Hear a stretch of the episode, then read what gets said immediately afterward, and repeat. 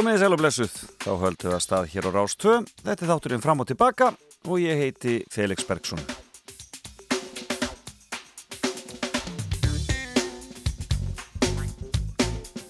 Já, hann var daldið blöytur hjá okkur í nótt hér og það blæsa okkur, minnst kost á vestafennu landinu. Það er svona sviftingar í veðrinu. Fariði varlega hvar sem þið eruð og fylgist vel með.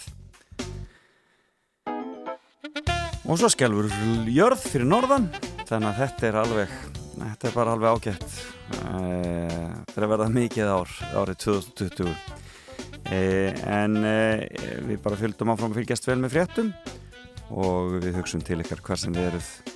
En það verður mikið þáttur hjá mér í dag eins og alltaf hér.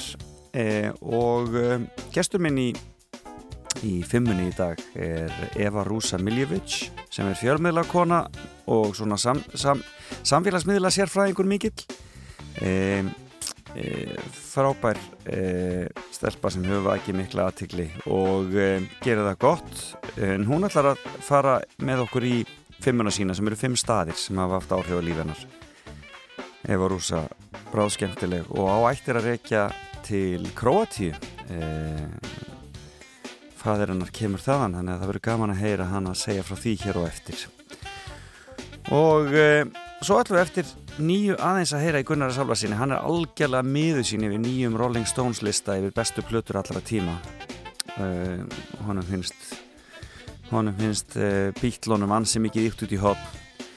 En við ætlum að ræða þetta. Ég ætla að ringja hann hérna eftir og reyna að hugga hann aðeins og heyra svona í hann hljóðið og spila kannski eitt eða tölu á þessum, þessum uh, nýja lista. Og svo er það fréttageturinn sem verður á sínu staðið opnum fyrir síman svona um hálf tíu leitið þá getið þið ringt og reynd að ná ykkur í hambúrgar og hambúrgarfabrikrunni en það þarf að svara þrejum spurningum rétt eins og alltaf. En lagdagsins, við byrjum þar. Erum ekkert að tvínuna við þetta. Og ég hef verið að spila lög úr íslenskum söngleikjum. Og þannig svolítið með það íslenska söngleiki að þeir eru náttúrulega daldið mikið batna söngleikir. En það er, þarf ekki tendilega verið að vera sérstaklega þegar maður er með frábæra lagahönda eins og Þorvald Bjarnar Uh, í brotti fylkingar. Ávakstakkarfan kom út á sínu tíma sem leiksýning og varð svona líka gríðarlega vinsæl. Uh, Gunnar Gunsteinsson stóð á bakvið það allt saman. Uh, það hefur þessi tónlist hefur mikið verið spiluð og margsinist en hún kom síðan út aftur í sjómasútgáðu þessi söngleikur árið 2012 og þá var Appelsínan sungin að henni Ágústu Evu Erlendstóttur og hún syngur eh, hið fræga Speiklarsalslag Alltaf skemmtilegt. Ef speillin gæti talað þá myndi hann segja við mig að ég var í fegust, flottust og fínust. Það myndi hann segja við mig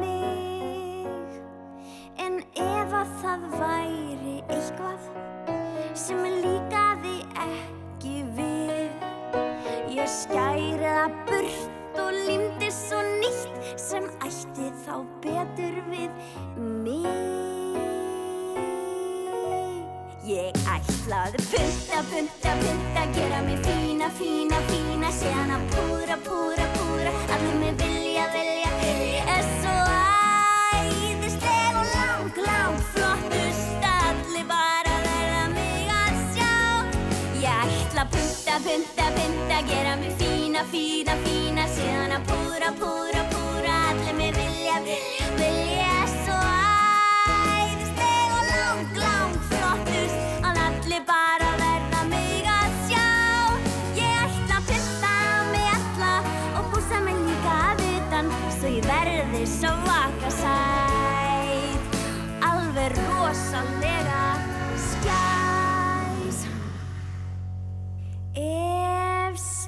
speillin gæti talað þá myndi hann segja við mig að ég var í fegust, flottust og fínust. Það myndi hann segja við mig. En ef að það væri eitthvað sem líkaði ekki við ég skæri það burt og límdi svo nýtt sem ætti þá betur mig.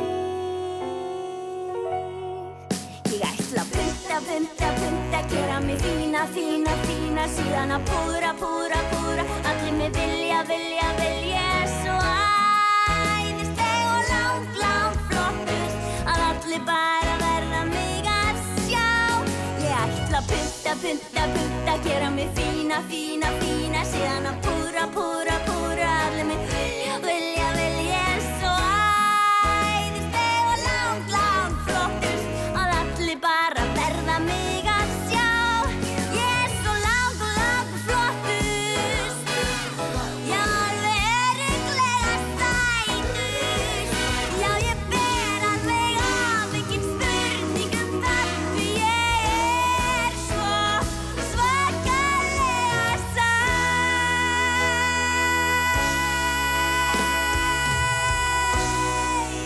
Já, við höfum sannarlega hýrt barnalög sem hafa gert það gott í gegnum tíðina og um, er kannski best um, næsta minnast uh, Gorgeous með Páli Óskari sem er náttúrulega bara af barnaplötu sem Memphis Mafia gerði á sínum tíma.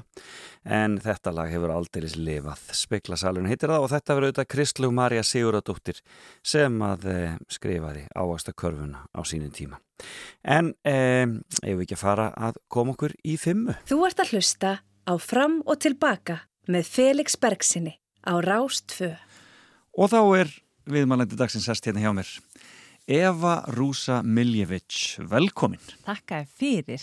Það eru gláð margir sem að spyrja þig um, um nafnið þitt og þetta er nú ekki svona íslenskasta nafn sem maður heyrt. Nei, pappi er frá Króatíu Já. og, og millinafni mitt er í höfuð á, á frænguminn, eða kvonu bróður hans pappa úti Já. sem að er, hérna, er svona smá, átti mjög mikinn þátt í að hérna, hún sá svona um mömmu þegar mamma, þegar mamma og pappi voru, voru byrjuð saman Já. áður en við fættumst og, og hérna, þau voru að fara í heimsókn út og svona til fjölskyldunar að þá tók hún mömmu svolítið að sér og kendi henni kró, mamma talar mjög góða króatísku Já.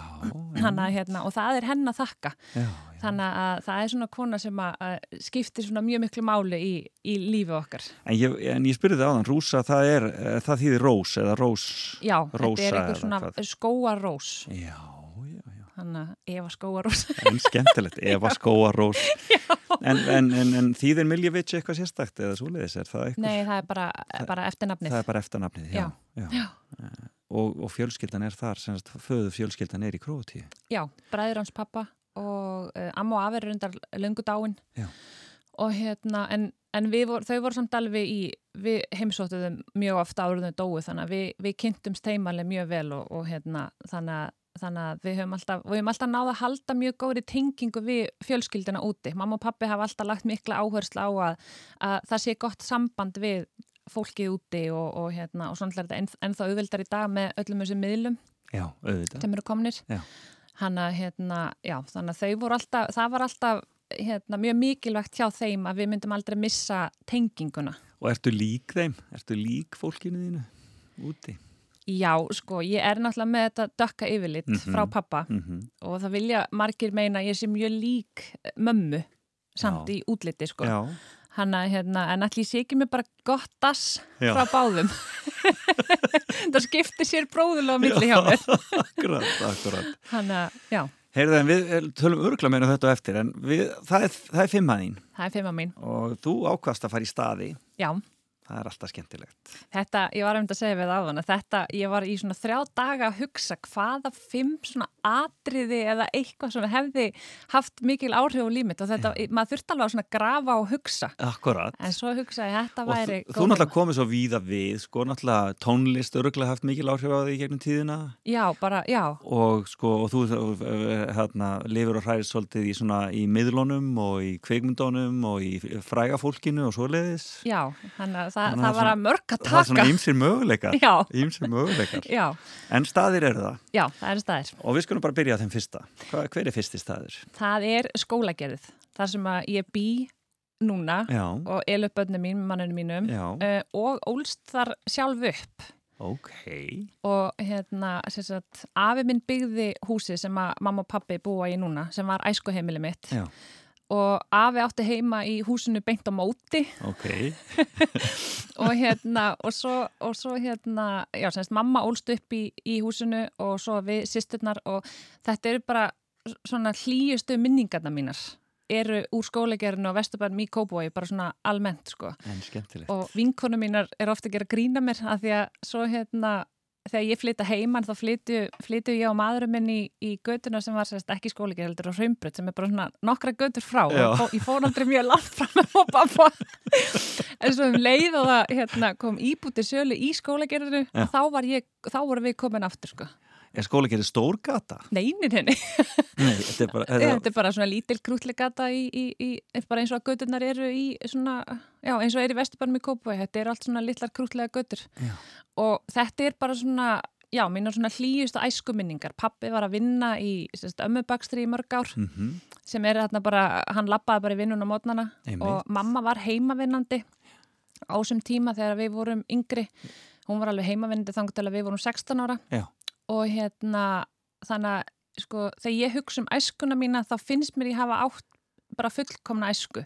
Minnst þess að mamma og pappi voru, þau voru alltaf heima þegar maður komur heim úr skólanum að því pappi var náttúrulega á nóttinu og var að koma heim í hádeginu og, og mamma var alltaf heima að baka og elda og svona, þú veist, Já, hérna og við sýsturna bara á hjólum reyðandi hver ára á böglabörum út um alla trissur og Eru þið bara tvær sýsturnar? við erum þrjár. Já, æðiskingið.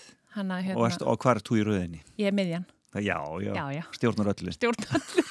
Ég stjórna því sem ég vil stjórna. Það er svoleiðis.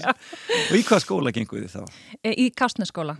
Sem er nú búið að rýfa núna en, en hérna, og það var alveg svona það, okkur fannst það alveg svolítið skrítið sko, þegar að kastunskóla var rýfin, fann, okkur fannst vera smá verið svona vera að rýfa, rýfa smá úr æskuminningunni sko. já, aðeins af hérstanu. Já, Já, en svo er þetta mjög skemmtilegt sko, að við, erum, við vorum allar sýsturnar sem áttum heima í skólagerði sko, eftir að við fluttum að heiman. Já, og svo fór eldri sýstur mín sko flutti í næstu götti og þá vorum við svona að gera grína en bara, hvað minn góður, allar í alvörun að flytja skólagerði og vinkuna mín að gera oft grína mér sko að, það- hérna, ég, ég, að ég er sko eh, með við hvað ég er mikið fyririldi bara svona almennt í lífinu. Já, svona ég þrýfst í að vera að gera allt og út um allt og, og hérna vil aldrei vera að gera saman hlutin.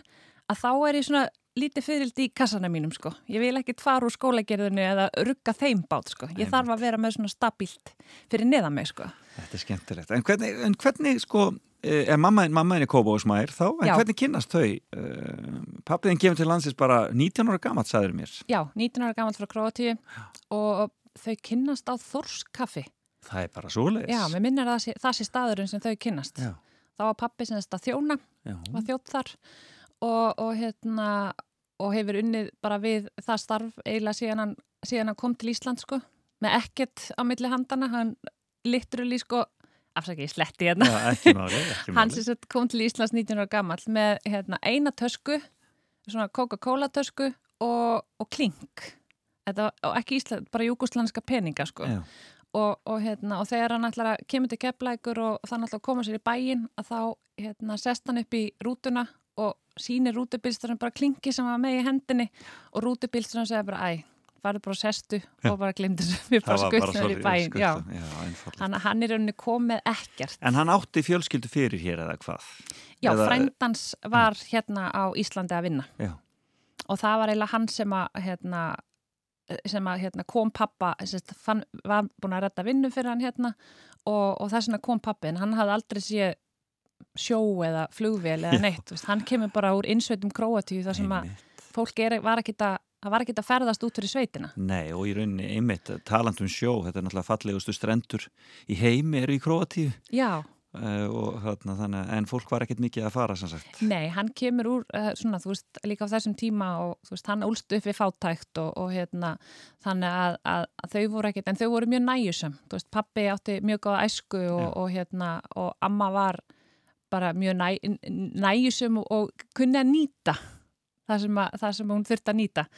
Þannig að, hérna, þannig, að, já, þannig að hann kom til Íslands og fór í, í byrja að vinna í fiskvinnslu og þaðan fyrir hann í þjónin kynnist frá mömmu þarna nokkrum árum setna og þau eru búin að vera saman síðan. Og endar í ömmubakstri. endar í ömmubakstri. Reyndar, já, hann reyndar var þar í, í 25 ár. Já, og svo á hann og, og, og hérna reykur svartakaffið á lögaveinum búin að gera það síðan Já. 2003 já, já, já, einmitt, er nú margir sem þekkja það. já, Einmitt. þannig að hann hefur alveg hann hefur Hann er- alveg, hann er mjög metnaðafullur og, og, og er, er enn að vinna á fullu og hann er svona, já, hann hefur alltaf hann er alltaf unni fyrir sínu Já, og þau enn í skólagerðinu enn í skólagerfinu og ég og yngri sýstu mín líka en hinn sýstu mín komin í næstu götu. Ég, ég á ekki orð og við með sér búum í sama húsi ég og yngri æfintir sýstu að þrá þetta segðu. Hal- Haldið þið einhvern tíðan eftir að taka við húsi fóreldri ykkar? Já, sko, við allavega getum ekki hugsað okkur að húsi fari úr fjölskyldinni þannig að ef ekki, við sýstundum gerum það ekki þá kaupum við það samt fyrir bönnun okkar Já. halda þeim í skólagerði Já, líka akkurat, halda öllu liðin á samanstað Já, Og var ekkert mál fyrir manniðin að flytja í skólagerðið? Er hann Nei. kópásbúi líka? kannski? nei, alls ekki hann er bara búin að vera út um allt land, sko, Já, basically að býr, búin að búa út út allt land Já. hann að, hérna, þannig að hann í rauninni hafði engar rætur neitt eitthvað sérstakt. Þannig að hún, hann, hann, hann var svo þægilegt sko, hún var alveg sama, hún leið bara vel þar sem, að, þar sem við vorum. Já Og búin að sjá ljósið með skólagerðið hann er löngu búin að sjá ljósi blessaði verði, hann sá það um leið að hann sá mig.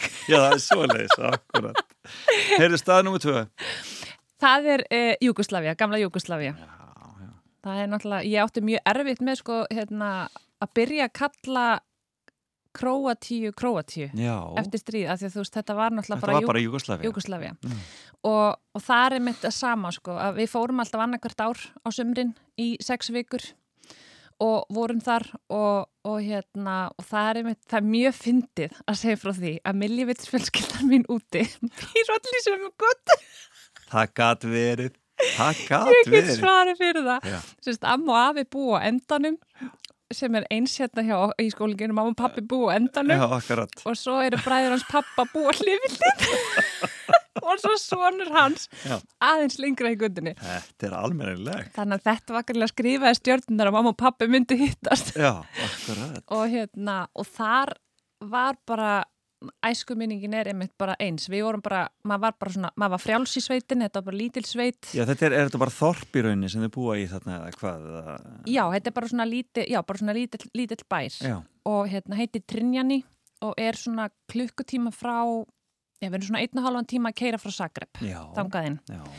Og hérna, Og hvernig voru, hvernig voru æskuminningarna þarna? Bara, bara rósröðar í rauninni? já, bara, þú veist við vorum út að týna okkur kirsubera af trjánum Alltaf gott veður náttúrulega sömurinn? alltaf gott veður og, og hérna og svo bara leika sér í svínabúinu hérna mægiskortna geimslunni og, og þú veist og ég var engin pempið sko, mamma Nei. sagði alltaf sko hún hefði getað skilið mig eftir bara hjá mís, músonum sko og mér Já. hefði verið sama að ég var bara, þú veist þetta var bara draumur Ertu dýramanneskja?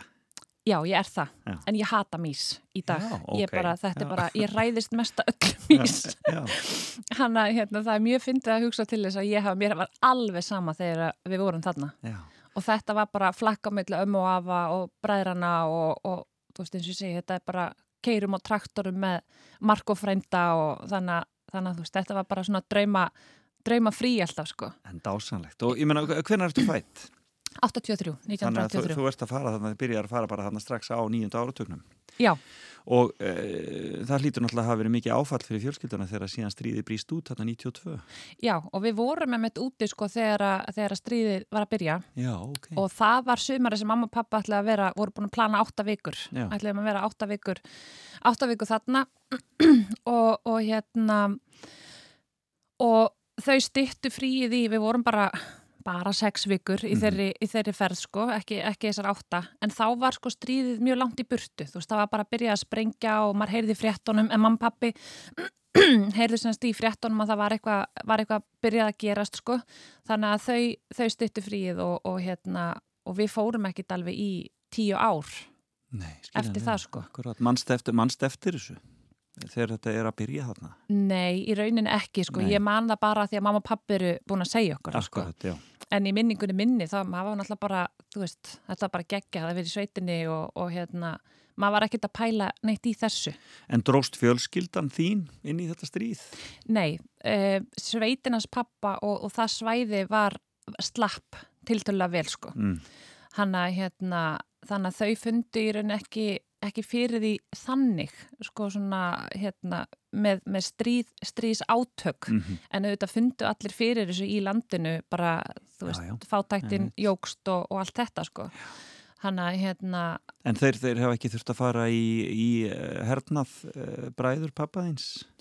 Um, ég veit ekki hvernig er með bræður hans pappa sko, hann er, hann er yngstur af tíu sískinum Mhm. en ég þekki ekki öll sískinin, Nei, það eru, eru svona tveir bræður sem eru nánastir pappa sko já, einmitt. og hérna pappi til dæmis slapp við að fara í herin að því að hann, þegar minn- held hann að verið fimm ára gammal þá mist hann tvo putta Já, sérst að var að leika sér á kornagsfél sem að hjó af honum tvo fingur já hérna hér. og, og hérna hann, úksliðdúla, hann jarðaði puttana já, ég trúi því. og hérna, og hérna Ú, fimm ára. já, Oh. hann að hérna þannig að hann sérst, var ekki var þá undanskilin herskildu af því að ef þeir, ef þeir slasast eða missi einhvern útlim eða eitthvað þá, þá þurfa ekki að fara í herin þannig að pappi var mjög heppin þar sko. Hann slapp alveg við það. slapp alveg við það sko. Þannig að hérna, já. Og, og, og, hérna, og var náttúrulega bara komin til Íslands 19 ára, þannig að hann er svo sem hefur ekkert verið já, já, til þess að... nei, nei en hann hérna, en þú veist ég held að samt sko þeir hefði alveg þeir eru svona ungir sko, þeir eru fe- fengnir til að, að vera í kringum herin sko Já, akkurat. Hann að, hérna, já, þannig að hann kemur til Íslands og finnur alls kvísuna. Almennilegt. þetta er æfintýra, þetta er, þetta, þetta er náttúrulega svona, e, það var náttúrulega svo rosalega mikið í fréttunni, ég er náttúrulega aðeins eldri en þú, þannig að maður mann Já. svo vel eftir þessu, sko, þessu hræðilega stríði á, hérna, í Júkoslavíu. Já, þetta var alveg tíu ára eða eitthvað, eitthvað þetta svo var leið, lengi, sko. lengi, langur tími og lengi náttúrulega, og er ennþá einhvern veginn, er, erum menn bara að jafna sig á þessu og Já, já, en þá verið að dæma mennu þetta fyrir stríðsklæpi og annað slíkt. já, ég held að, að það kannski jafni sig aldrei neitt 100% eftir, Nei. eftir svona, svona rosalegt stríð, sko. En það var, ég man alveg eftir, sko, fyrstu ferðinni sem við fórum eftir stríðið, það var Mhm. bara geggjað. Já. Þú veist, maður bara kom út og lyktinn og, og hérna, Og þú fannst hvað varst búin að sakna þess. Ó, það, var, það var bara, þú veist, við fórum alltaf meðan á þessum tíma sem við komst ekki Já. hérna he- heim til pappa að þá var það, spánar, var, það spánarferði sem kom í staðin Já. og ég man þegar við fórum sko fyrst til Króatíu þá eftir stríð að ég hugsaði bara svona vá, vá hvað spátn er ekki neitt þú ég, sá, þá, þá sá ég allt þetta græna fallega því þú veist, á spáni er þetta svo mikill sandur og, og svona auðn Já, já. En, en hérna en á, þú veist það er svo mikill gróður það er svo opbáslega mikill gróður og ræktun í, í Króatíu og þessum löndum, jú, gamla Júkoslavíu Þú verður ekki fara út í það að fara með fólk til Króatíu. Nei, aldrei en til. aldrei að segja aldrei sko. Nei, akkurat. Það er, það er náttúrulega gríðalega vinsall ferðamannastæður í dag. Já, það er það og, við hefum farið bara síðan höfum við farið annarkvært ár þangað Já.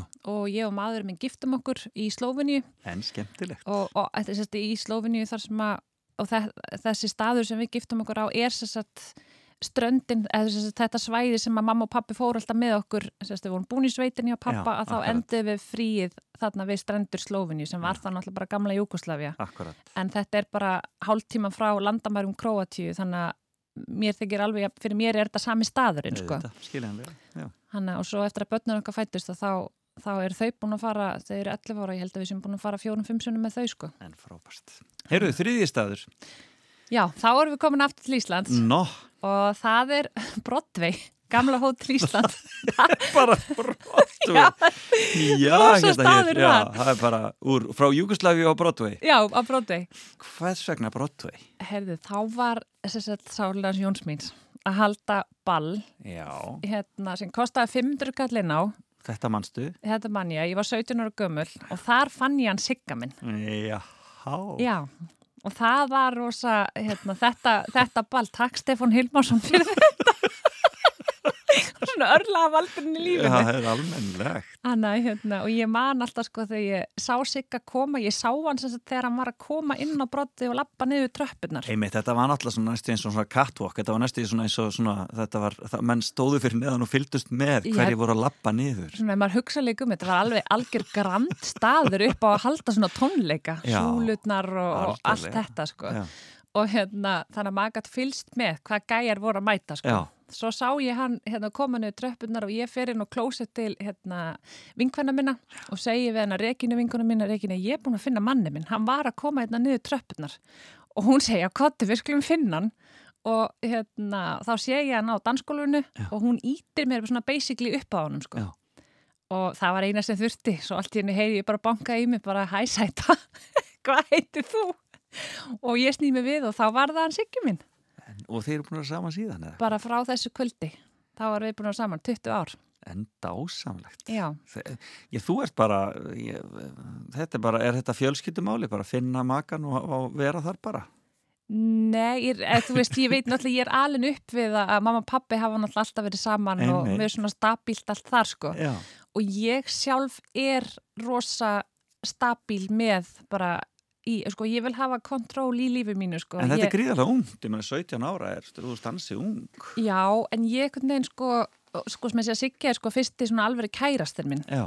og hérna, en þetta var bara ótrúlega, þú veist, ég var ekki búin að ákveða þarna 17 ára ég væri búin að finna að ég ætlaði að finna manni minn þannig sko, Nei, en nei. bara þegar ég sá hann að þá bara sagði ég þessa setningu við vinkonu mína Og þetta Og- hefur bara staðist. og þetta bara, já eins og Sigga Kling segir, er ekki orð álög Jú, kannski, það getur verið einmitt, já. og, hérna, og svo bara kom í ljós að Siggi var bara, bara allt sem að manni langar til að eiga og vera með sko En dásamlegt. þannig að við erum búin að, og hann var tvítur þannig að við erum búin að, við erum búin að eigða meir en helmingina, helmingunum æfinni saman.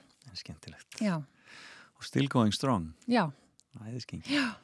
þannig að hérna, já, þannig að það, það ég hefði ekki viljað sleppa þessu brottvei kvöldi, sko. Nei, akkurat. Og manst, já, þetta er náttúrulega það sem þú manst eftir af því kvöldi. En varstu, varstu svona djammari svolítið? Varstu svolítið að fara á... Já, já, já, já. Sko, ég hef aldrei, aldrei reykt og aldrei drukkið áfengi Mm og hérna bara aldrei, ég, veist, ég veit ekki eins og hvernig, hvernig bragðið er af bjór, ég hef aldrei tekið sopa af áfengi. Af hverju? Bara einhver ákvörðun sem að... Sko, þar erum við aftur komin að því, sko, ég vil hafa stjórn á hlutunum. Já. En voru vandraði þá í fjölskyldunni með, Nei, með áfengi? eða ekki neitt og mamma og pappi reyndar, þú veist, ég hef aldrei sé fóreldra mín að drukna, þú veist, þau fá sér alveg Mhm. rauðvin og, og bjór og þú veist, þau, þau fá sér alveg bara svona eins og venilegt fólk gerir, sko, Já. en hérna en, en ég hef aldrei séð þau undir áhrifum og, og en þetta var í rauninni bara einhver ákvörðin sem ég tók rosalega ung að, að, að smakka ekki áfengi, þú veist, þegar við vorum að hanga út í kópa og sundlaug, þú veist, Já. það var svona staðurinn sem maður hjekka á kvöldin þegar maður var orðin úlingur, svona, þegar maður var í, í, í hérna, níund og tíunda bekk og eitthvað. Og þegar ég sá sko hvernig krakkarnir urðu þegar þau voru að drekka þá landa sem að var mjög vinsæll drikkur að hérna þá hugsaði ég alltaf, vá, þess, þetta myndi ég ekki nenna þessu myndi ég ekki nenna. Mhm. og, og hérna svo fannst mér líka bara svo gott sko trösti sem mamma og pappi síndi mér. Þú veist eins og þegar ég fekk bílpróf Mm þá fekk ég alltaf bílinn lánaðan. Og þú veist, ég djammaði hverja einustu helgi með vinkona mín, ég misti ekki úr neinu. Og, og mér fannst allt svo geggjað, bara ég gæti verið að djamma nýri bætiklingum fjögur, fimm á nóttinni og keirt svo heim, bara þegar ég var komið nóð þá bara keirði ég heim og vaknaði svo restaðin eftir. Og það var sko það sem að gaf mér líka þess að, þú veist, svona hjálpa mig við þessa ákvarðan ég sá alveg sko, að þegar mér, ég skemmti mig manna mest og Já. það er örugglega enginn sem að sá mig á djamminu sem hefði nokkuð tíman haldið að ég væri edru þetta trublaði mig ekki neitt Nei, skemmtileg. hann að hérna, Og þú hefur bara haldið við þetta? ég er bara haldið við þetta því að ég bara þarf ekki á þess að halda þannig að akkur að vera að rugga ykkur um bát með ykkur sem að maður þarf ekki á að halda Briljant talandum um rugga, við, við skulum taka okkur smá pásu þú veist maður vel eitthvað rosalega stuðlag fyrir Já. okkur hérna, ja. akkurat málið klukkan hálf nýju og lögutasmátti þannig að hva, hvaða lag er þetta? Erðu, þetta er lagi, nýja lagi sem er Jason Derulo, uh, Take You Dancing Erðu. þetta er svona lag sem að það, sko hálf nýju, nú fara allir að dansa bara út á gólfið, Já. bú með kaffið Da da da da da da da da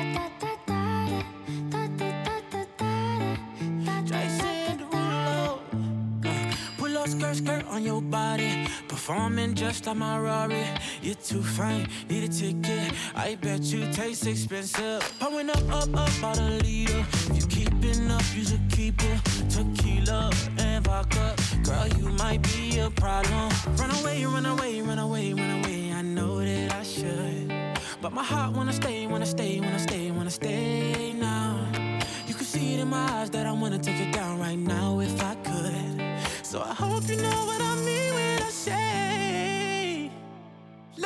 take you dancing. Two step to the bedroom. We don't need no dance floor. Let me see your best move. Anything could happen. Ever since I met you, no need to imagine. Baby, all I'm asking is let me take you dancing. Like that, that, that, that, that.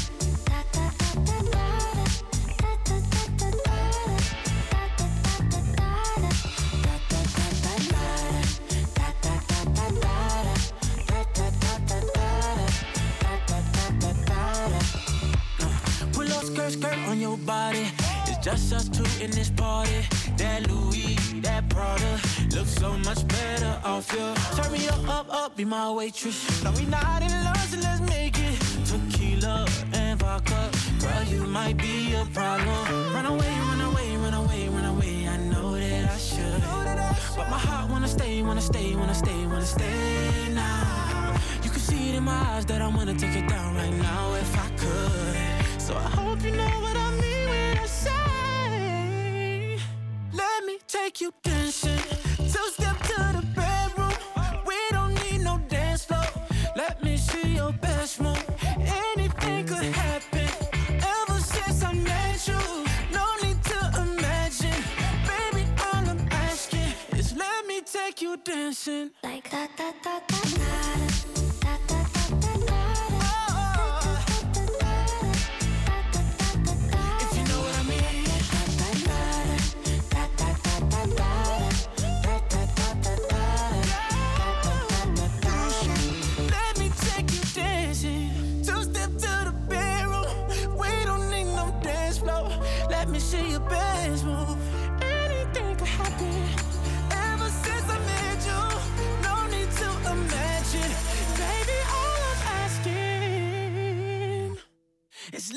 Jason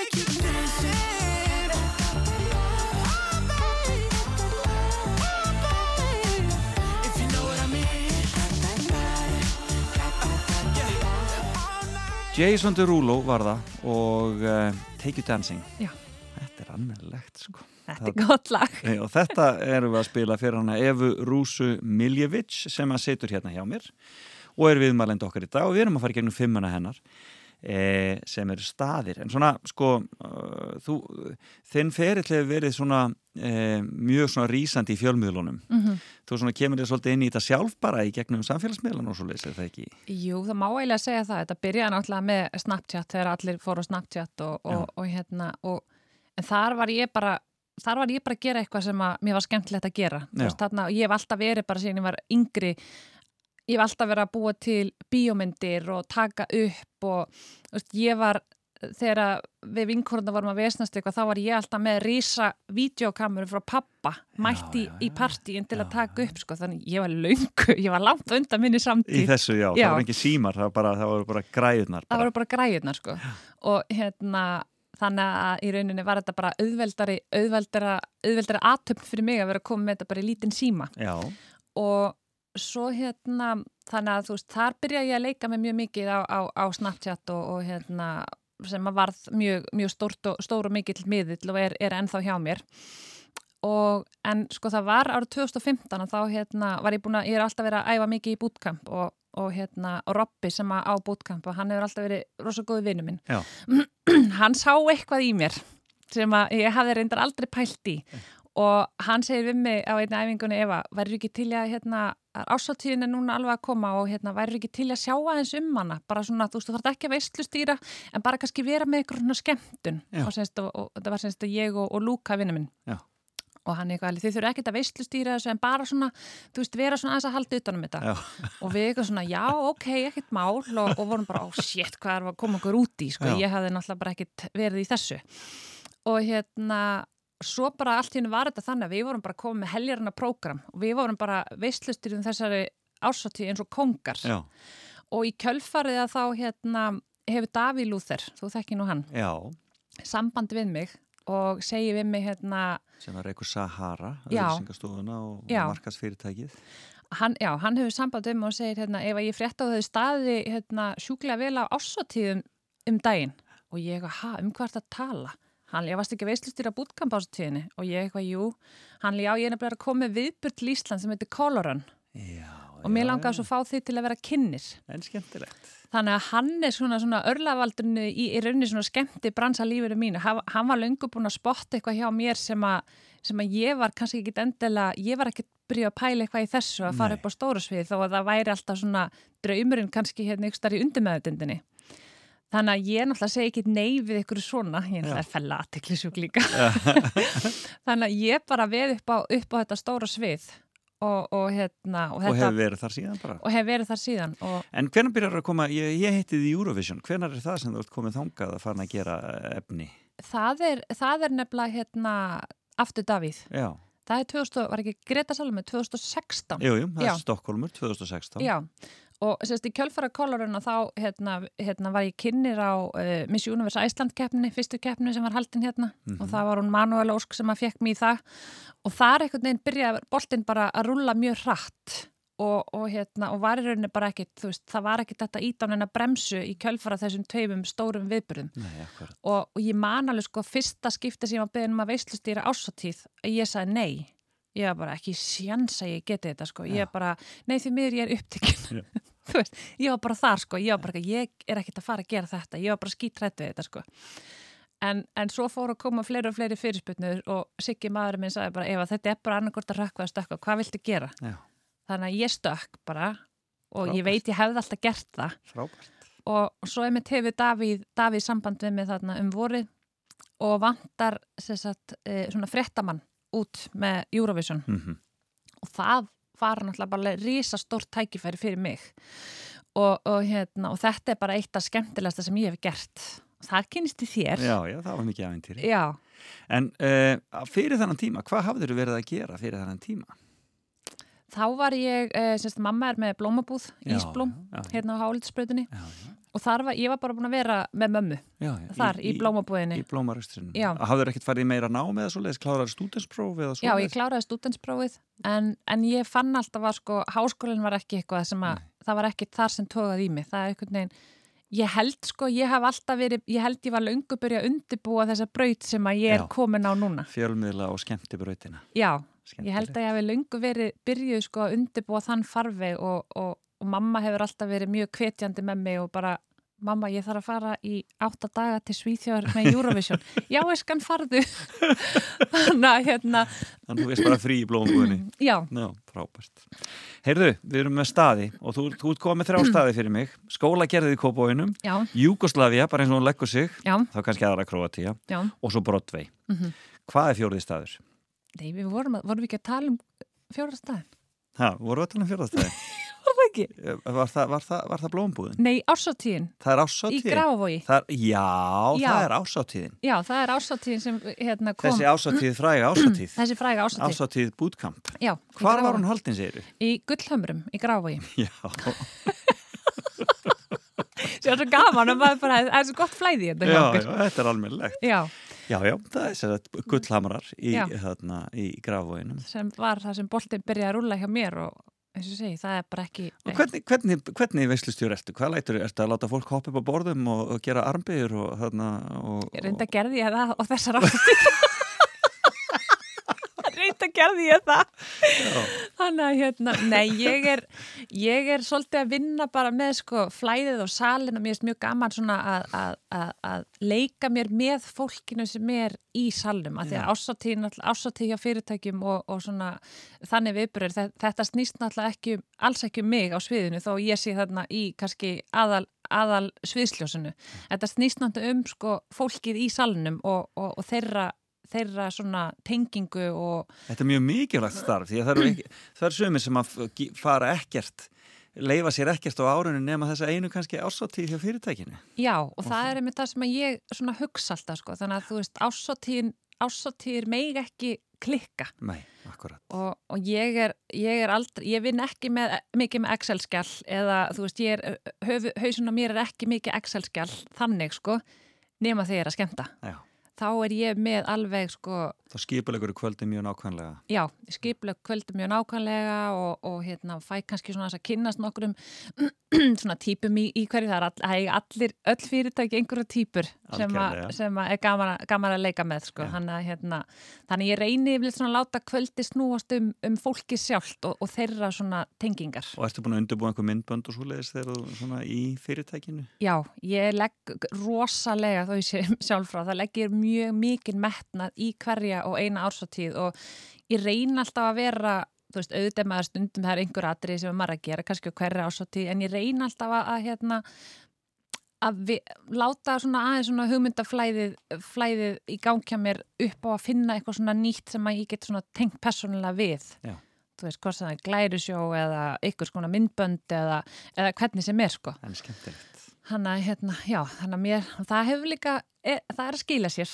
Það er, var enn að fá ringingar og tölvuposta. Já, og nú er spurning hvað gerist í þessum ásatíðabransa? Er þetta ekki allt komið bara inn á neti núna? Bara, þetta eru bara, þarna, þetta eru bara rafrænar ásatíður orðið? Jú, ég styrði einni svona rafræðinni 300 manna skemmtun í vor Já, sem að ég kveið rosalega mikið fyrir. Sko, ég get alveg, þú veist, en samt sko, enn og aftur sko, það held ég það, það hjálpa mér mjög mikið að ég sé búin að vinna mikið með samfélagsmiðla í rauninni að vera að tala við sjálfa mig í síma. akkurat. og, og, hérna, og ég verð mjög sjaldan kaft stopp þannig að ég kveið svona pínu lítið, ég var með svona smá svona í maganum fyrir þessu svona já, já, ok, ég er að fara að skemmta hérna 300 manns ég er bara að fara að sjá 5 manneskjur á skjánum samt og ég fæ ekki neitt feedback veist, það er ekki neitt sem að ég heyr ekki hlátur, veist, er þetta falli í krami þar er ég að breyta eitthvað tjún yfir í eitthvað annað eða eitthvað, en svo náttúrulega bara, bara Voru viðbröðin góð? Já, bara mjög góð og þetta gekk eins og í sögu og var ekkert má sko. Frábært. En ég neita því ekki, það er skemmtilega að standa á sviðinu og interakta við salin sjálfan sko. Það er alveg þannig. Eva Rúsa, tíminn hleypur frá okkur. Við höfum einn stað eftir. Já, Hver er fymti staður Eva Rúsa Miljevic? það er Artmedica. Art Medica, Já, sem er hvað? sem að var, eh, ég, sko þeir eru hætti núna en þetta var, um, þetta var svona frjósemis hérna, Já, hvernig einmitt. þetta, hjálpar fólki með, sem er með ófrjósemi, þú veist, já, og einmitt. og allt það sko.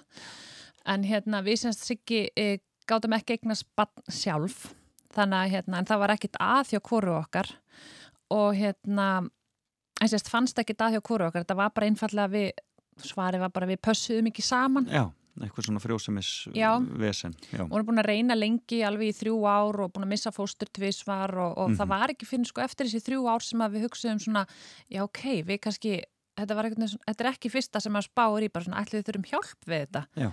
það einhvern veginn kom svona það kom ekki fyrir en eftir þessi þrjú ára því allt í nú voru þrjú á liðan og við hugsaðum bara svona ok, er við í alvörun að fara þurfa að fá aðstóð við Já, þetta Þú veist, þetta er ekki það sem, maður heldur bara að maður ætla eignar spatt, þá Já, já. verður barni komið eftir nýju mánu cirka hann að hérna, þannig að við förum í, í, í test og, og það finnst ekki það hjá hvoru okkar og hérna og við sérst fórum í ferli sem heitir teknisæðing sem er einfaldasta ferlið Já.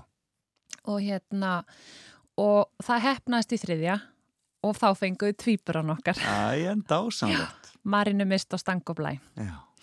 hann að hérna, það var það, það er svona staður sem ég hugsa mitt alltaf með svona hlýju til líka og þetta sé bara fyrirtæki sem er ekki, er ekki til í dag, þetta heitir eitthvað annað í dag.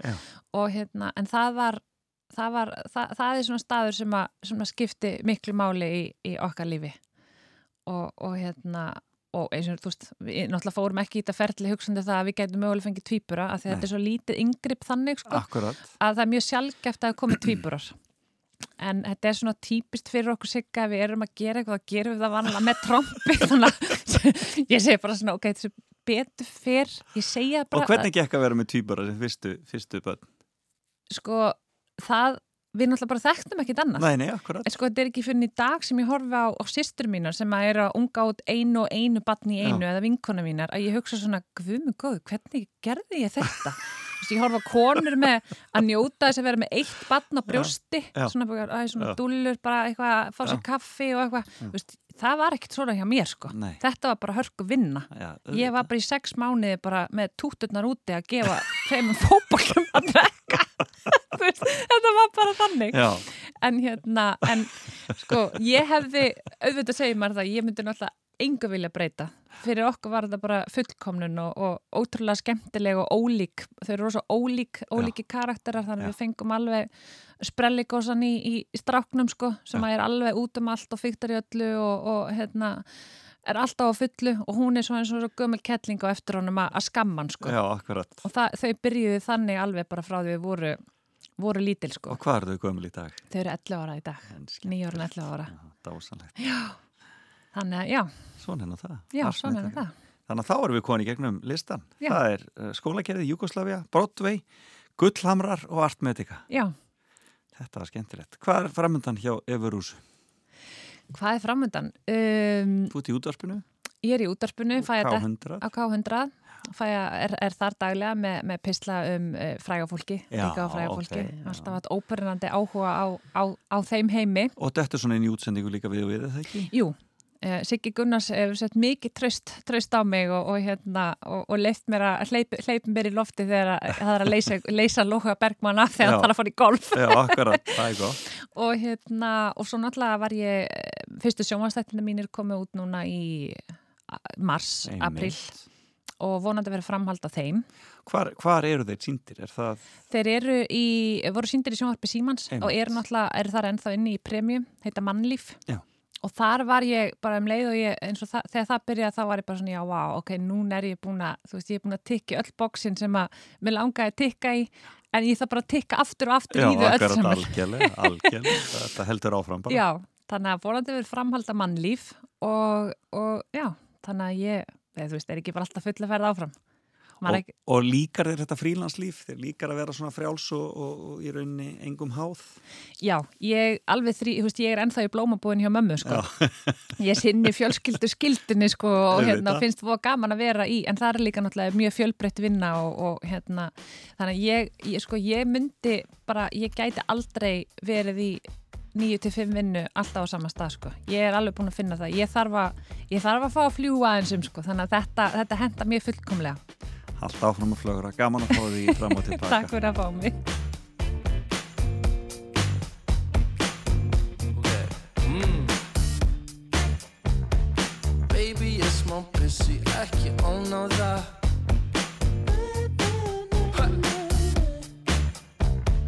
Nágrannanni kvarta undan hávaða Ég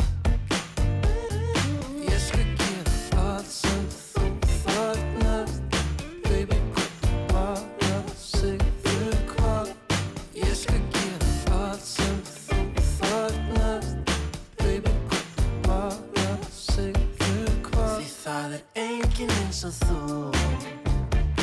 Enginn eins og þú. Nei,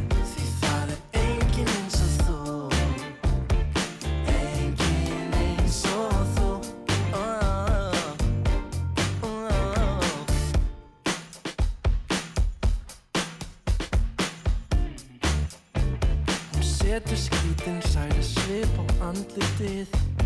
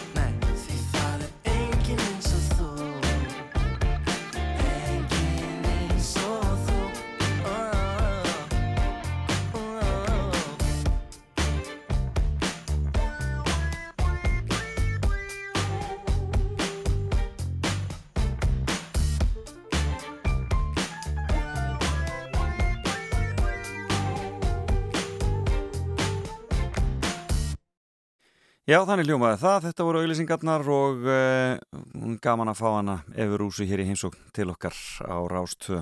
Uh, frábælega hæfileikarík og skemmtileg ung kona og uh, já, voru gaman að fylgjast með henni í framhaldinu. En þetta var semst fimmann hennar, fimm staðir sem að hafa haft mikil áhrif á líf hennar. En við höfum eitt lag eftir áður en að kemur að nýju fréttum og eigum ekki að leifa Valgeri Guðjónsinni að uh, syngja fyrir okkur uh, fram að tilkynningalestri. þetta er nú eitt af uppáhalds ásteinvegs á trjánum og svo höldum við áfram hér eftir nýju og allum meðal annars að pæli í þessum nýja eh, lista þeirra Rolling Stone yfir 500 bestu plötur fyrir og síðar Eins og allur almenningur veit vex ástinn á trjánum Engin vandan á henni bara maður stendur á tánum. Sumir bukt og beigja sig, aðri rey og sveigja sig og einstakka finnst best að byggja kona á trjánum. Ástinn vex á trjánum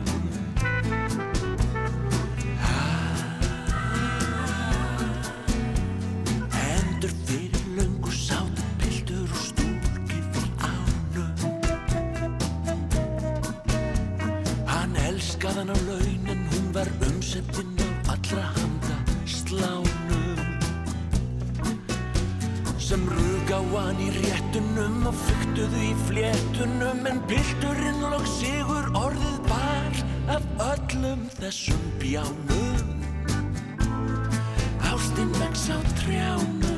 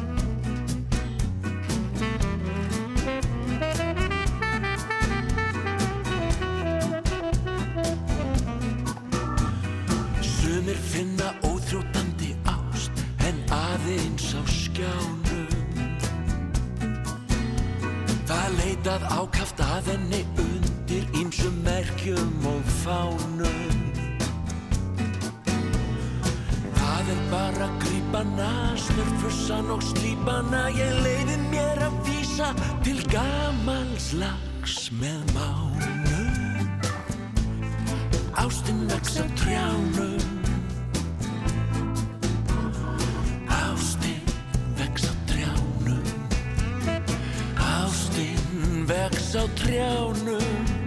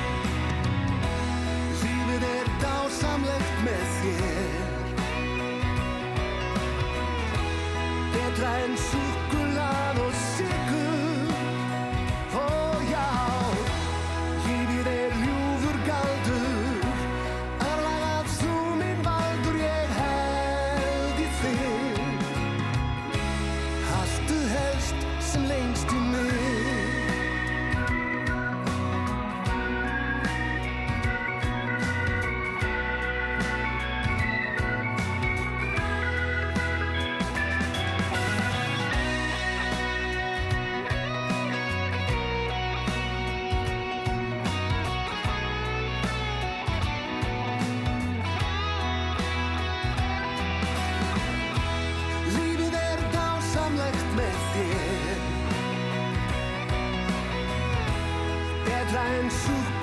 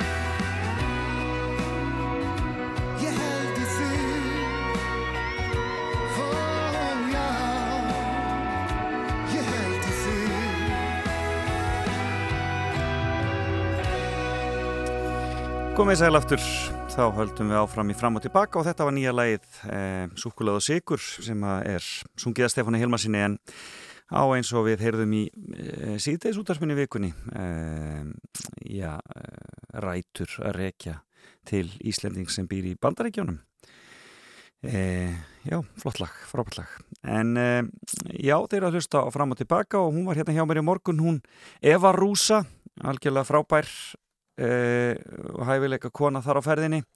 Uh, og við töluðum um uh, fimm staði í lífennar, þetta var daldi óvennilegt og skemmtilegt. Eitt staðurinn var svo þarna, fór eiginlega fram hjá mér. Það flætti svo vel hjá okkur talið. En þetta voru sér sagt hinir á þessi staðir. En hún talar ennþá um Júkoslavíu sem Júkoslavíu enda ólst hún upp við það. Fæðurinnar frá Kroatíu Eh, og eh, þetta viðtal verður komið inn á netið hér um leið og þætti líkur. Eins og þátturinn allur. Hér eftir smástund allir er hengi Gunnar Salvason hann var alveg að bömmeri á Facebook á vikunni vegna út af nýjum lista Rolling Stones yfir eh, eh, Rolling Stone fyrir geði tímaritsins yfir 500 eh, bestu plötur allra tíma og uh, uh, hefur, hann hefur til breyst aðeins á listi. Þeir, þeir hafi gert lista sko þeir gerðu lista 2003 og 2012 og nú er þessi 2020 listi komin. Og uh, við ætlum að ræða þetta hér á eftir hjá Gunnar. Og svo er það fréttageturinn og svo ætla ég að spila fyrir ykkur eftir upptöku með listamanni sem að sonur minn bendi mér á í vikunni. Tim Minchin heitir hann og ég veit eiginlega ekki hversna hann hefur farið fram hjá mér. Hann hefur náttúrulega ekki alveg farið fram hjá mér. Ég vissi bara ekki að hann hefði samið það sem hann hefur samið. En hann er sem sagt pianisti sem að e, grínast í leiðinni. Semur e, afskaplega að finna e, texta með. Og þetta er svona svolítið í anda þessara klassísku svona pianogrínista en heyrum eitt lag með honum hér og eftir Tim Minchin. Svona þeir sem hafið áhuga því það er, þetta er Það er alveg ótrúlega skemmtilegt. Það er svona tónlistargrín. Hér er Alicia Keys og Girl on Fire. Hotter than a fantasy Lonely like a highway She's living in a world and it's on fire Filled with catastrophe But she knows she can fly away Oh,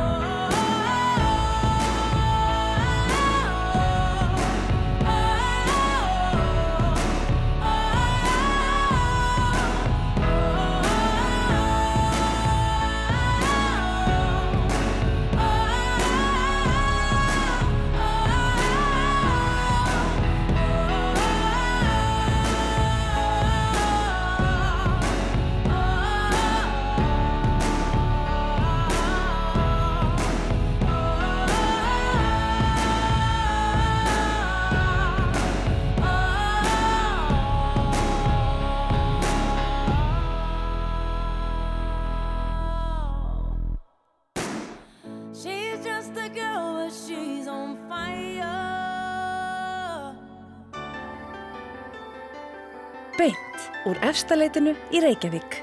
Fram og tilbaka á Rástfö.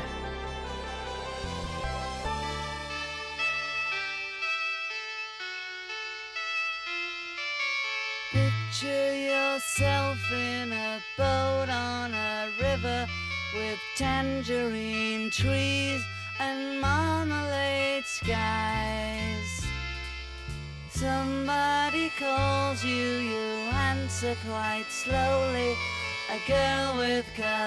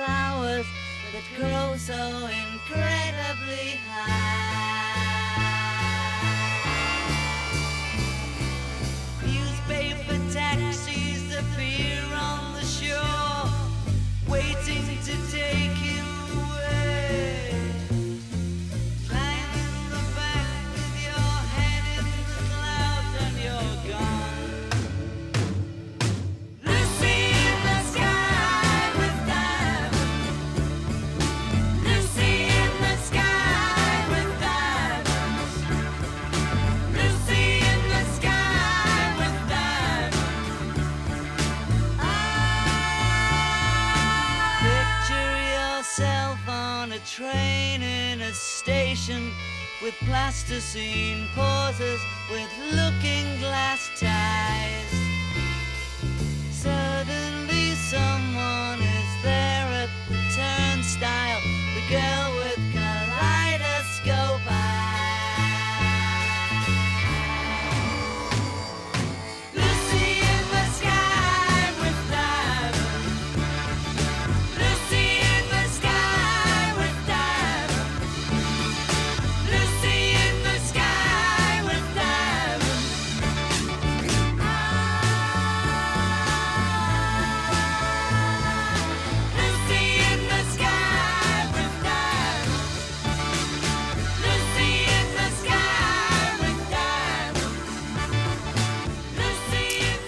Í vikunni mátti lesa á Facebook sem er náttúrulega fréttamiðill eins og allir vita Bítlarnir hafa verið gengisfeldir og ég er gráti nær Sgt. Pepper's Lonely Hearts Club Band er ekki lengur í efstasæti við 500 bestu plötur allra tíma Tónlistartímaliti Rolling Stone hefur endur skoðað listan frá 2003 og tekið inn 96 nýjar plötur frá síðasta lista og nú slefar Abbey Road í 5. sæti, Revolver í 11. og Peppers platan Ríðfellur niður í 24. sæti og hver skrifar svona með tárin í augunum nema Gunnar Salvarsson og hann er í símanum, kvantu sæll og blessaður Já, sæll og blessaður. þetta hljómar mjög dramatíst þegar til lesið svona, útvarpið en, en leið, Já, já. þér leið svona bara Já, þetta var skellur. Þetta var skellur. Já, Já. ég meina, við bílaunendur höfum auðvitað ímyndað okkur að bílarnir yrðu í efstasætinu að minnskosti meðan maður lifði sjálfur og, og, jafnvel lengur. Já, en það er nú samt þannig á þessum lista sko, samkvæmt samantektinni að bítlarnir eru með flestar plötur á þessum 500 platna lista Já. sko Þó það nú væri. Já, nýju, nýju plötur. Þeir voru það ekki síðast því að sko þeir gerðu lista 2012 það, það kom einn hann í millitíðinni Það kom þarna eitt svona sem er, er uh, breyttur lítið eitt. Já, ég skil, já. Svo þeir stokkuðu þennan lista algjörlega upp. Já, einmitt. En sko, það sem náttúrulega kannski er mjög greinilegt er að þetta er ekki lengur miðaldra hvítir kallmenn sem velja þennan lista. Heldur eru þeir að fá fleiri að borðinu? Er það ekki rétt hjá mér? Jú, jú, ég veit svo sem ekkit hvernig listin 2002 var uh, gerður en, en uh, þeir segja núna að, að þarna séum að ræða 300 manna uh, nefnd, svona valnefnd sem er skipuð listamönnum og pródusentum og gaggrinnendum og, og fólki bara út tónlistar heiminum Já. Og þetta eru 300 manns og þetta eru auðvitað eh, að mestu leiti yngra fólk heldur en við sem að ólumst upp við bílana. Já, akkurat, akkurat. Þannig að það er kannski ekki skrítið að það verði þarna einhverja breytingar. Það til dæmis að segja að rappið fái þarna miklu meiri repper, eh, svona, svona, eh, þarna, komið fleiri inn, Já, já, já, já. rapplötur. Já, já, það er örugglega alveg hárrétt, ég hef ekki sérstaklega að skoða það en, en ég leitaði svona yfir 100 bestu plöturnar, sem 100 listan hjá þeim í, í gerðkvöldi og þá tók ég eftir því að það er áttundi áratugurinn sem á langt flestar plötur já, á þessum lista. Já, já, sem er dálítið merkildur en það var svona dálítið glemdur áratugur milli bílatímans og milli 80s tímans sem að eru svona tveir eh, heimar í, í dræfulega tónlistinu sem eru svona dálítið afmarkaði þekkist að lögin frá bílatímanum og eins frá 80s tímanum akkurat. en, en eh, áttundi áratugur er, er að fá þetta mjög mikla mikla eh, og, og góða kostningu Já, það er aðtilsvert, aðtilsvert. Mjög aðtilsvert. Þarna, uh, Dylan náttúrulega þarna sterkur. Já, já, Uh, en það kom mér aðeins óvart að sjá hvað, hvað er langt í, langt í David Bowie. Já, ég það er svo margt sem kemur manni bara óvart í þessu. Já. Ég var nú mest hiss á því að sjá allar þessar greatest hits plötur inn á svona lista. Já, Vegna þess að ég hefði nú haldið að, að það væri bara svona orginal plötur sem að fengju kostningar rétt, sko, eða væri kjörgengar. akkurat. Ekki, ekki hérna The Great 28 með Chuck Berry og Golden Greats með Buddy Holly og svona. Já, akkurat. Sem að svona afskrimit aldrei, sko, þennan lista og, og, og þær plötur eru þetta gefnar út kannski á 8. og 9. áratögnum en eru með tónlist frá kannski 7. áratögnum. Já, ég get alveg verið sammála því. Þetta er svona, það er svona svolítið skrítið að leifa, leifa slíkar samantektir inn á svona lista. Já, og svo sé ég líka til dæmis á top 100 listanum að það er, það er aðeins einn plata sem að er gefin út fyrir árið 1960. Já, Það er bara einn plata. og hvaða plata er það? Það er hérna Kind of Blue með, með Miles Davis. Já, einmitt. Þannig að þeir fara líka yfir í jazzin Já, í, í, í þessum lista og ég mann ekki hvort þeir gerðu það síðast. Og, og þá kemur nú óvart að það er til dæmis einn plata með Billie Holiday á 500 listanum og önnur með Frank Sinatra. En það er engin með Elvi Fitzgerald eða Louis Armstrong eða Chet Baker. Þetta er mjög aðtilsvist. Þannig að það er mjög, mjög svona sérkennilegt allt. Þannig að við getum bara þakka fyrir að Björk hangi að ennþá inni með sínar tvær. Já, ég held það. Og þau dættu við að eiga þetta miklu fleiri íslenskar plötur. Já, já. Ef, ef sangirnin réði ferðum. Já, já, Sigur Rós er ekki þarna til dæmis. Nei, nei. Og Jóhann G. með langspil, ég hef alveg vilja sjá hana þarna. Þeir vita ekkert þarna út í Ameríku, vita ekkert Ekki, sko. nei. En, hann er náttúrulega aldrei bandarískur. Hann er mjög bandarískur, það verður nú að segja eins og er. Ég meina, ef við förum, ef við förum í hérna Já. top 5, sko, þá eru er bítlarnir þarna með Abbey Road í 5. sæti. Þú veist, ekki á því að það sé þeirra besta plata? Jú, jú, sko, þetta sveiplast bara dálítið eftir dögum. Já, sko. einmitt, já. ég, ég get alveg hérna sagt að, að, að Abbey Road er, er mjög eh, hérna frábær plata og þar, þar, þar náttúrulega fekk minn maður loksins að láta ljósett skína. Já, Ég held að það séu allir, allir sammálið það að töpastu lögin á plötunni eftir George Harrison. já, einmitt, einmitt. Uh, Here comes the sun og something. En.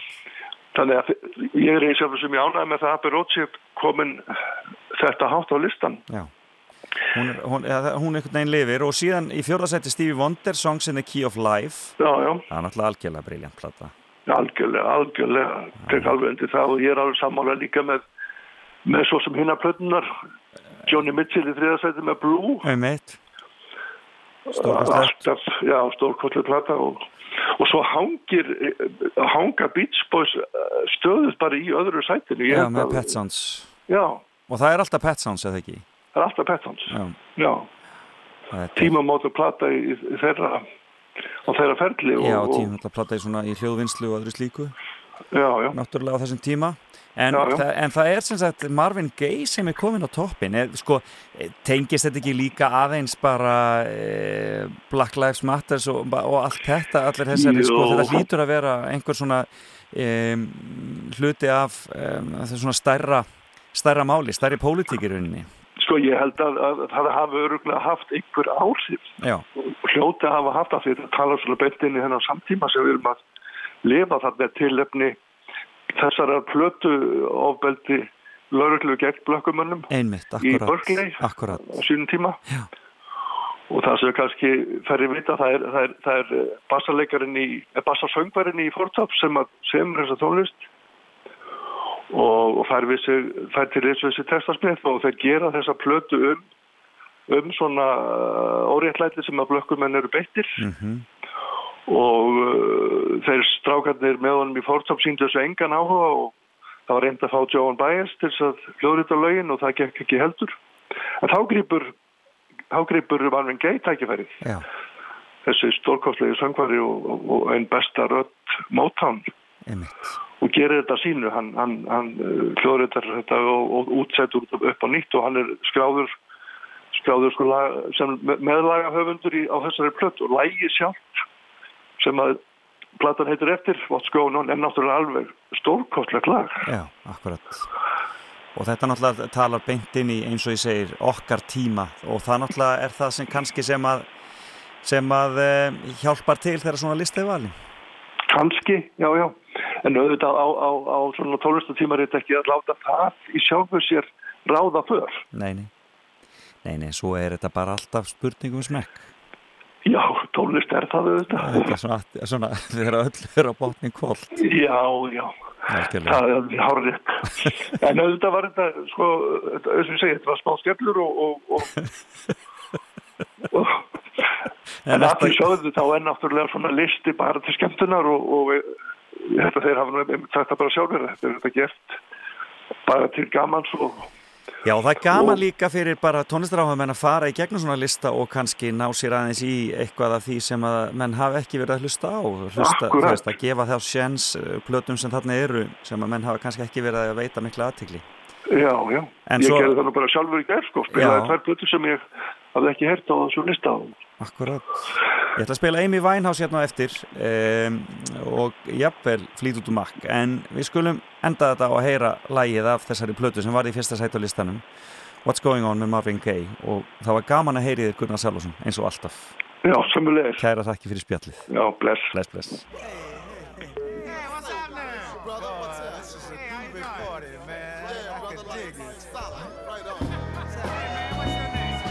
Já, þessi plata er á toppi Rolling Stone. Bestu plötur allra tíma. What's going on, Marvin Gaye hérna. Mother, mother, there's too many of you crying. Brother, brother, brother, there's far too many of you dying. You know we've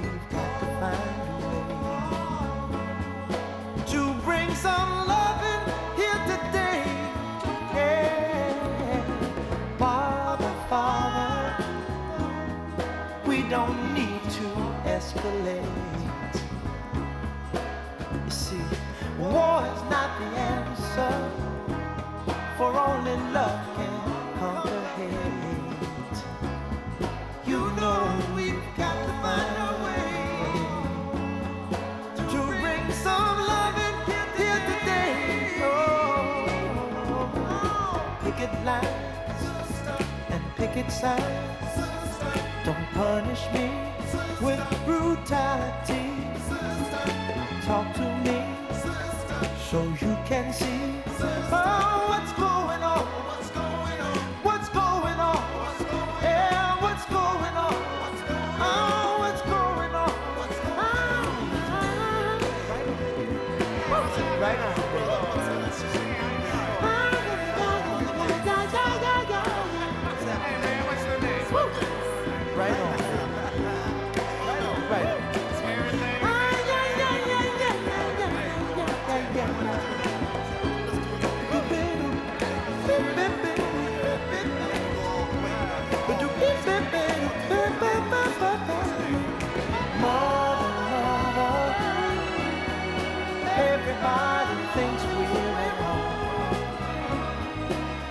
Oh, but who are they to judge us?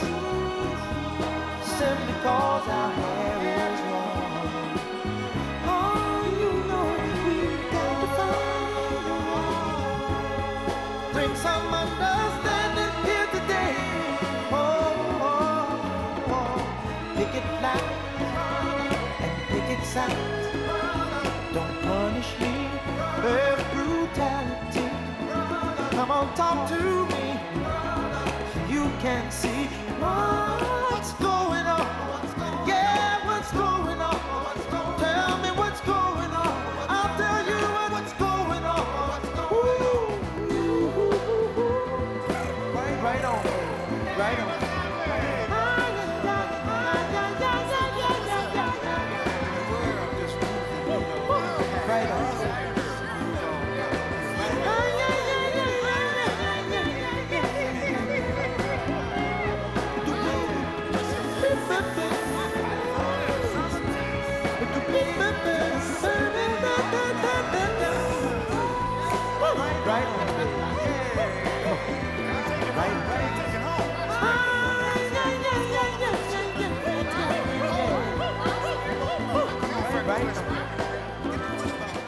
þetta er briljant. What's going on? Marvin Gaye og látum þá lokið um fjöllun um 500 bestu plötur allra tíma Sangat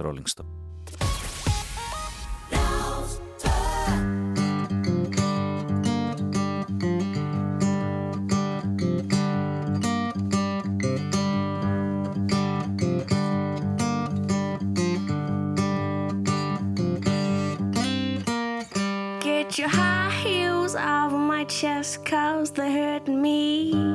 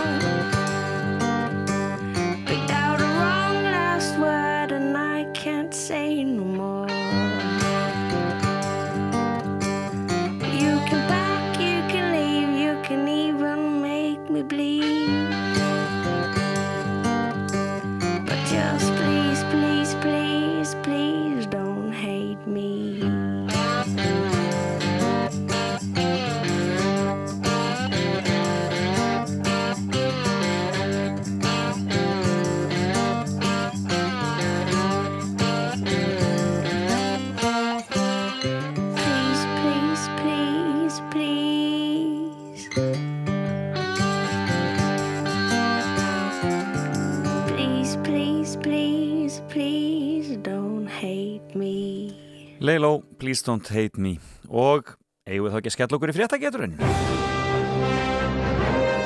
Símin 5687123 5687123 og ef þið svarið þremur spurningum rétt þá er hambúrgara veistla í bóði hambúrgara fabrikunni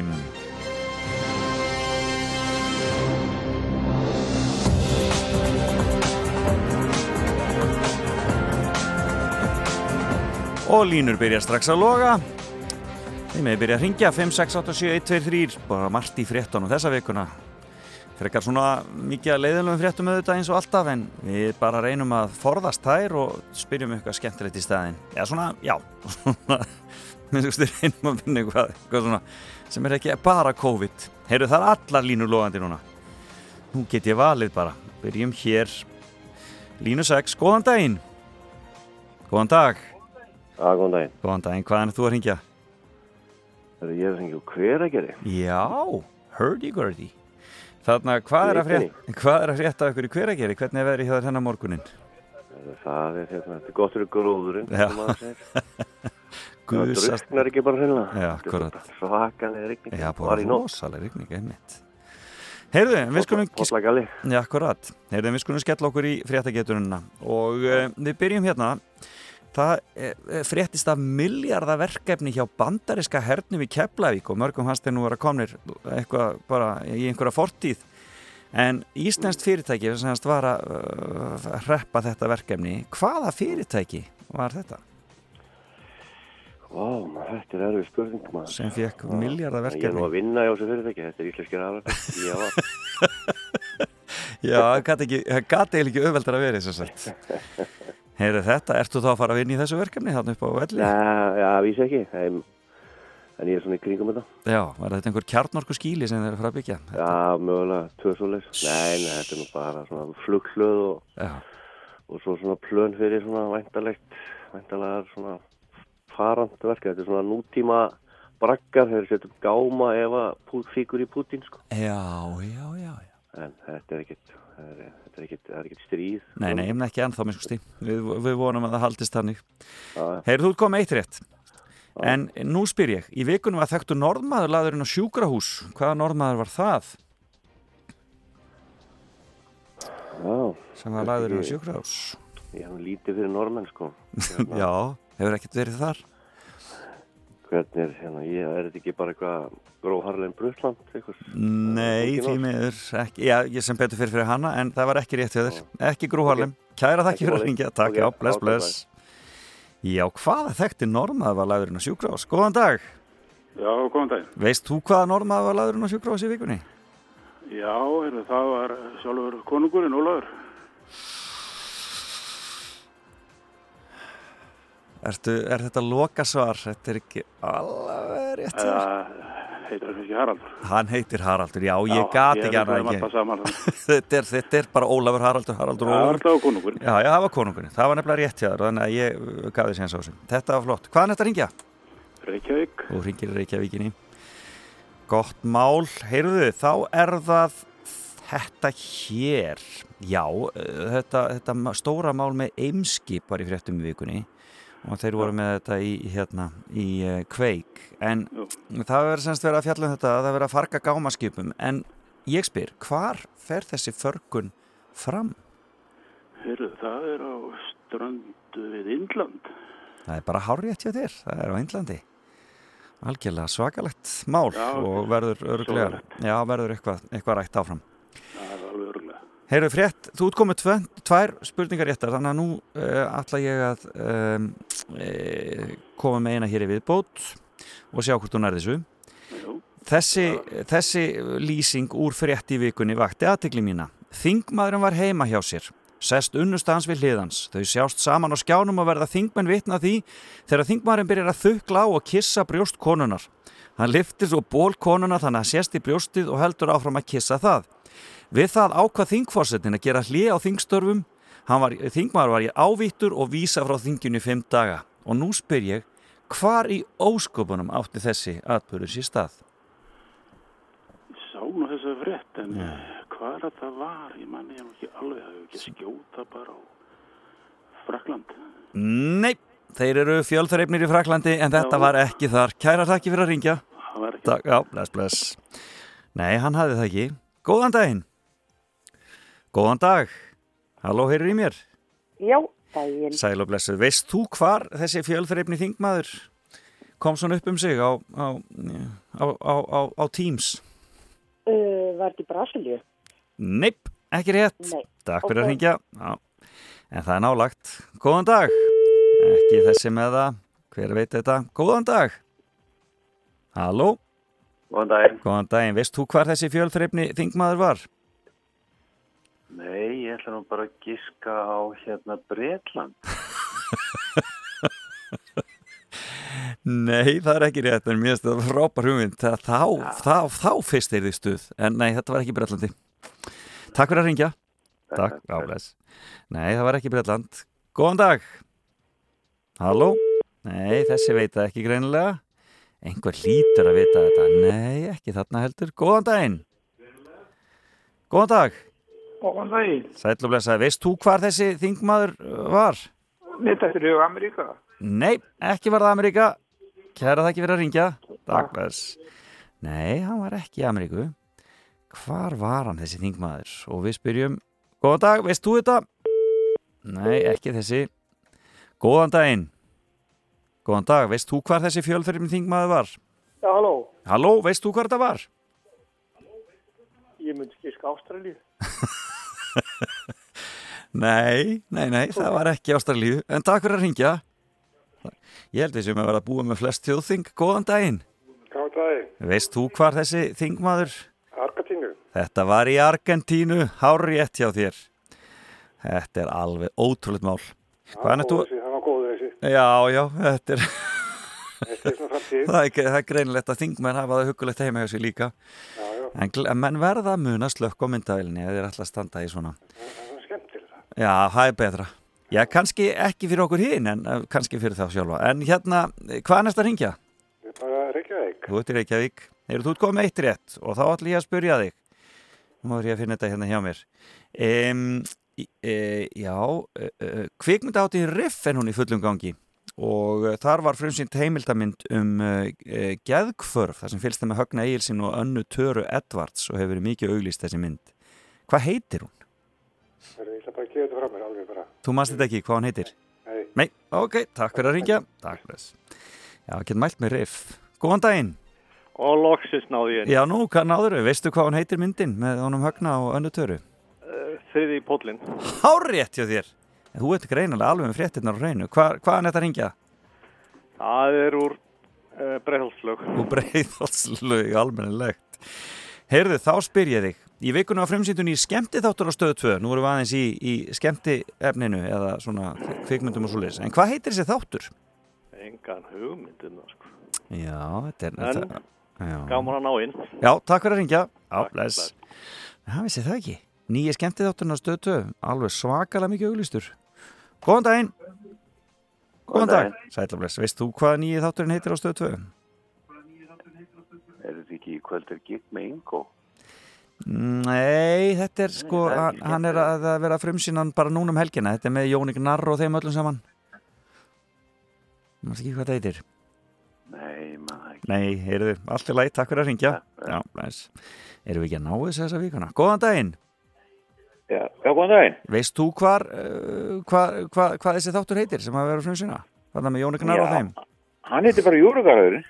Júrógarðurinn, alveg hárið hjá þér, þú veit með þetta Heyrðu, þá er spurning hvort þú tekur þessa e, Í vikunni komust nákvæmna deilur á Arnanesi í Garðabæi fréttinar En spurt er, um hvað snérust þessar nákvæmna deilur?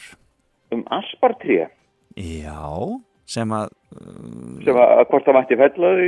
Já, korrekt, alveg hárrétt hjá þér Alveg hárrétt, og þetta var eitthvað spurning um útsýni á esjuna held ég. Eitthvað svo að. Allir vilja hafa sitt útsýni á esjuna. Akkurat. Heyrðu, þá er spurning hvort þú klárar þetta hérna hjá mér. Þegar ég spyr. Já, já, já jú, jú, jú, jú ég á hérna eina minnstökusti hérna eftir. Í vikunni fannst nefnilega sprengja úr setni heimstyrjöld á Íslandi Manst þú hvar þessi sprengja fannst? Hvað sprengjan var, já. Hún var undir einhverjum línum, einhverjum háspunulínum Undir háspyrunínum, já. Já, þarna ertu nú komið með vákitis ábyrningu fyrir mig. Ég ætti nú að ná þessu, sko. Já, varstu þetta... Var þetta ekki á, á hérna, var þetta ekki á, hérna, Mosulsheiði einhverstaðar þar? Nei, það er bara ekki rétt hjá þér. Það voru ekki með þetta. Þetta var á sandskeiði Já. Heyrðu, en kæra það ekki fyrir að ringja Þú voru að reyna bara aftur í næstu viku. Já, takk, takk. Kælega, bless, bless. Já, við höfum það ekki. Ég búið með spurningarnar og við höfum ekki meiri tími í þetta.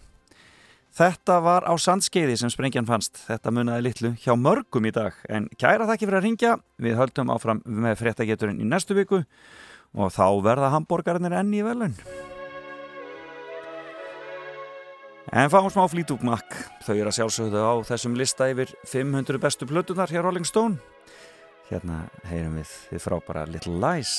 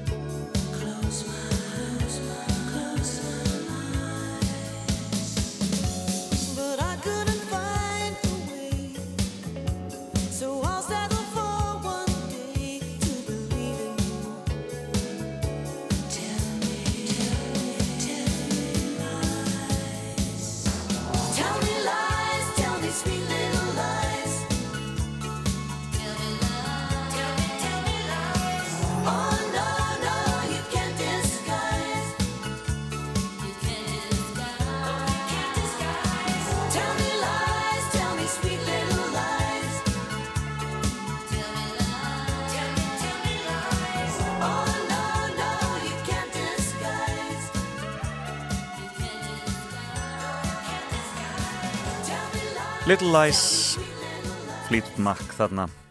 En uh, ég talaði um að ég ætlaði aðeins að spila eitt lag með þessum Tim Minchin og uh, það stóð náttúrulega ekki á uh, því að fólk fór að skamma mig fyrir að veit ekki hver maðurinn er. En hann náttúrulega er höfundur tónlistarinnar í Matilda og það er nú kannski svona það sem hann er þekktastu fyrir svona yfirleitt en hann hefur búin að vera mjög vinsall í mörg ár. Eh, grínisti sem að eh, notar píanóið og eh, briljant texta með. En það sem ég langaði til að spila fyrir ykkur var lag sem hann söng á því sem þeir kalla e, það sem þeir koma saman í Breitlandi og, og, e, og, og, og syngja, fyrir, syngja fyrir drottninguna e, og e, og e, og e, þar e, syngur hann um að vilja spila í ákveðnum í ákveðni tóntegund en syngja í annari og þetta er eh, sungið á BBC Proms árið 2011 og eh, eh, þetta er nú bara svona tónlistagrín eins og það gerist best eh, ég það greinilega að kynna mér Tim Minchin betur. Eh, hann er semst Ástrali eh, en fættur samt í Breitlandi en úlst upp í Ástralíu og hefur gert það svona líka rosalega gott. Og uh, hefur sem sagt fengið öll velun fyrir Matildu og svo samtan söngleik upp á Groundhog Day e, e, sem að er söngleikur sem að opnaði í London 2016 og fekk Oliver verlunin til dæmis og er öruglega mjög spennandi, eitthvað sem að maður ætti að reyna að sjá eitthvað tíman. En við skulum heyra þetta lag um mannin sem að vill spila tónlist í ákveðinni tóntegund en syngja í annari lagið hittir F-sharp, hljómar svona. I've been having a little problem recently, which is quite disturbing musicalically, involving a semitonal discrepancy, vocally and instrumentally. You see, musicians of different varieties prefer playing in particular keys, and singers too treat preferentially those notes they tackle more proficiently. Now, you don't have to be a member of Mensa to understand the depth of my dilemma. The two elements of me favor two different keys, thus the rift betwixt my fingers and my tenor. I like nothing more than playing instruments in F. It warms the very cockles of my heart. The trouble is that F can leave me vocally bereft, you see. I like playing in F major. Singing in F sharp, F sharp, F sharp. I refuse to be beholden to my hands. I don't see why my larynx should give in to their demands. I'll not be forced to compromise my art. And so I'll just keep playing in F major and singing in F sharp, F sharp, F sharp. I'll keep playing in F major, but I'll keep singing in F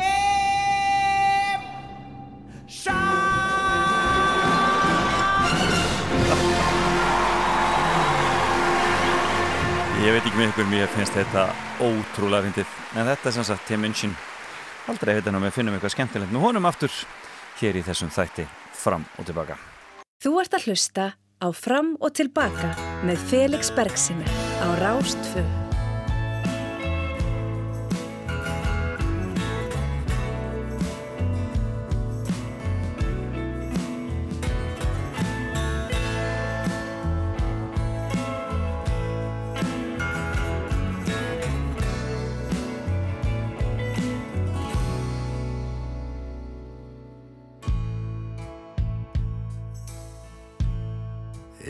Darkness of the night, away from all the street lights, some drifters walk by. The shelter closes at night. Paper blankets on her mind give you all my frozen teardrops. While I beg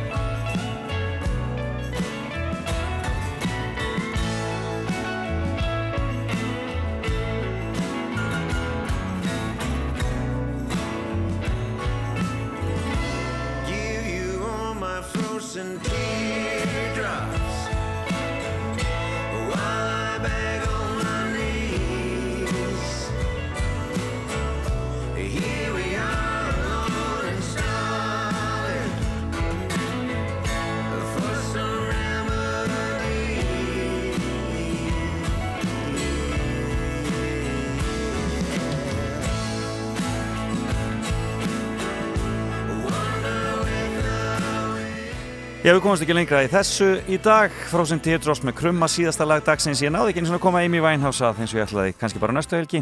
Því ég verð hér á mínu stað í fram og tilbaka eftir viku. En Björg Magnúsdóttur og Gísli Marteinn taka hér við kæra þakki fyrir samfélgina gaman að vera með ykkur. Einust eftir viku, bless bless